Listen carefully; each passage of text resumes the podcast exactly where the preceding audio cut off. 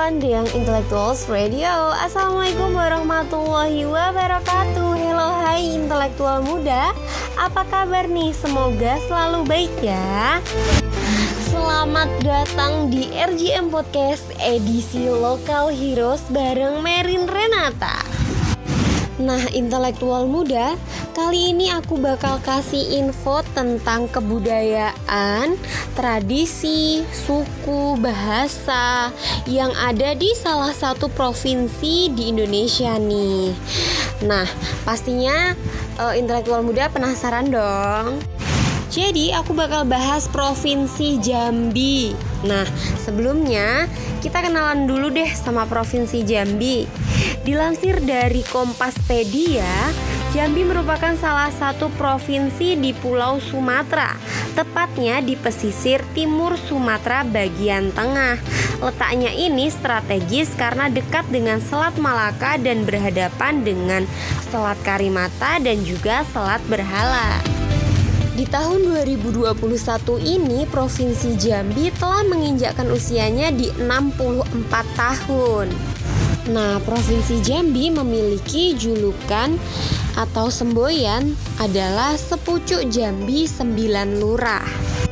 Di awal episode podcast hari ini aku bakalan bahas tentang bahasa Jambi. Nah, gimana sih Ren bahasa Jambi itu? Jadi, dilansir dari jambiseru.com, bahasa Jambi adalah rumpun bahasa Melayu yang logat dan dialeknya itu hampir sama dengan bahasa-bahasa Melayu pada umumnya. Namun, bahasa Jambi ini lebih dekat ke bahasa Palembang karena menggunakan dialek O untuk kata-kata tertentu. Misalnya, apa kabar itu menjadi apa kabar. Terus terima kasih menjadi terima kasih. Tapi nih intelektual muda, sebenarnya ada salah satu wilayah di daerah Jambi yang tetap menggunakan dialek E. Jadi bahasanya itu hampir mirip gitu sama bahasa Melayu yang ada di Malaysia. Oke, intelektual muda yang selanjutnya ada suku yang tinggal di Jambi. Jadi, di Jambi ini masih memiliki banyak suku aslinya. Ada suku Kubu, ada suku Batin, ada suku anak dalam Batin 9, suku Duano di Tanjung Solo, suku Jambi, suku Kerinci, dan suku Melayu Indonesia nih. Aku bakalan bahas tentang suku Kubu nih. Nah, dilansir dari tribuntraveljambi.com, Suku anak dalam ini atau biasanya dikenal sebagai suku kubu menjadi salah satu suku terasing yang anggotanya itu masih sedikit yang tersentuh oleh modernitas.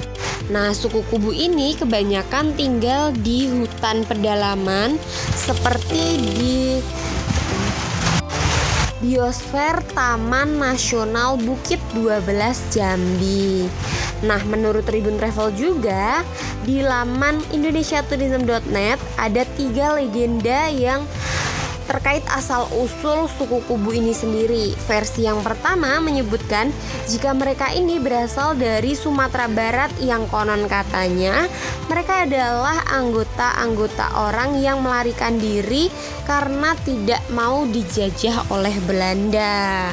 Jadi menurut versi pertama ini mereka adalah orang-orang kuat yang berhasil melarikan diri dari jajahan Belanda ya intelektual muda. Tapi kalau di versi kedua ini mengatakan suku Kubu merupakan tentara yang tersesat yang konon pada masa itu kerajaan Jambi diperintah oleh Putri Selaras Pinang Masa. Nah, kerajaan ini diserang oleh orang kayu hitam dan membuat Jambi ini kewalahan. Lalu, Putri Pinang Masa ini meminta bala bantuan kepada Raja Pagaruyung. Yang dengan cepat, raja ini mengirimkan pasukannya ke Jambi. Namun, karena melewati jalur darat dan tentara ini tersesat, sehingga mereka memutuskan untuk tinggal di hutan karena sudah tidak memiliki bahan makanan dan tidak tahu lagi mau pergi ke mana. Dan versi terakhir mengatakan bahwa orang Kubu ini merupakan keturunan dari bujang perantau dan juga putri buah gelumpang. Jadi memang banyak banget versi yang menyebutkan asal usul dari suku Kubu ini ya intelektual muda. Tapi yang pasti untuk saat ini yang bisa kita percaya adalah suku Kubu yang dikenal kehidupannya ini nomaden, tapi mereka akan berpindah karena uh, ada anggotanya yang meninggal saja. Dan meski begini, suku Kubu juga cepat beradaptasi dengan masyarakat-masyarakat sekitar nih. Karena saat ini banyak sekali suku Kubu yang berhasil uh, wilayah perkampungan. Tapi untuk sekarang di Provinsi Jambi bukan hanya ada suku-suku asli yang tinggal di Provinsi Jambi. Ada suku Jawa, suku Aceh, suku Batak, suku Minangkabau, Sunda, Bali, Banjar, Bugis, Flores, Arab, India, dan ada juga dari Tionghoa. Jadi memang banyak banget suku dari berbagai wilayah yang berhasil menempati di Provinsi Jambi ini intelektual muda. Yang selanjutnya ada senjata tradisional Jambi. Dilansir dari Jambi Antara News Masyarakat Jambi ini memiliki lima senjata tradisional khas yaitu Badik Tumbuk Lado Badik Tumbuk Lado adalah salah satu senjata tradisional Jambi yang merupakan senjata khas Melayu yang ada di Sumatera dan Kepulauan Riau serta Semenanjung Melayu. Nama senjata ini sangat terkenal di kalangan masyarakat Semenanjung Melayu. Bentuknya itu seperti rencong di Aceh, tapi tetap ada perbedaannya ya intelektual muda. Yang kedua ada Krisi Ginjai. Nah, keris Ginjai ini merupakan keris yang dimiliki oleh Raja Rangkayo Hitam yang merupakan Raja Jambi yang sangat bijaksana. Dan keris ini terbuat dari kayu besi, emas, nikel, dan mempunyai bilah yang panjang sekitar 39 cm dan berlekuk-lekuk. Nah, lekukannya ini hanya ada 5 dan keris Ginjai ini merupakan simbol atau lambang pemersatu rakyat Jambi. Jadi, di Jambi itu juga dibuat monumen yang berbentuk seperti keris Ginjai ini intelektual muda. Yang ketiga ada senjata yang bernama sumpit. Nah, sumpit ini sebenarnya adalah senjata tradisional yang banyak digunakan oleh suku-suku di Nusantara. Nah, sumpit ini banyak digunakan oleh suku Kubu untuk berburu. Nah, hewan buruannya ini disumpit dengan menggunakan selongsong panjang yang mana di sumpit itu diisi racun pada anak panahnya sehingga hewan-hewan buruan tidak akan bisa kabur dengan jauh. Yang keempat ada tombak Jambi. Sama halnya tombak seperti biasanya banyak digunakan masyarakat tradisional di Indonesia. Namun tombak Jambi ini memiliki khas yaitu pada bagian depannya itu memiliki panahan serta bagian ujungnya runcing. Yang kelima yaitu pedang Jambi. Bentuk pedang Jambi menyerupai mandau dan parang. Namun pada kedua sisi pisau ini memiliki ketajaman yang sama dan ujungnya itu memang dibuat e, tajam. Terus padang ini juga lebih sering digunakan untuk berperang dibanding berburu. Wah, banyak sekali ya intelektual muda senjata-senjata tradisional yang ada di Jambi ini.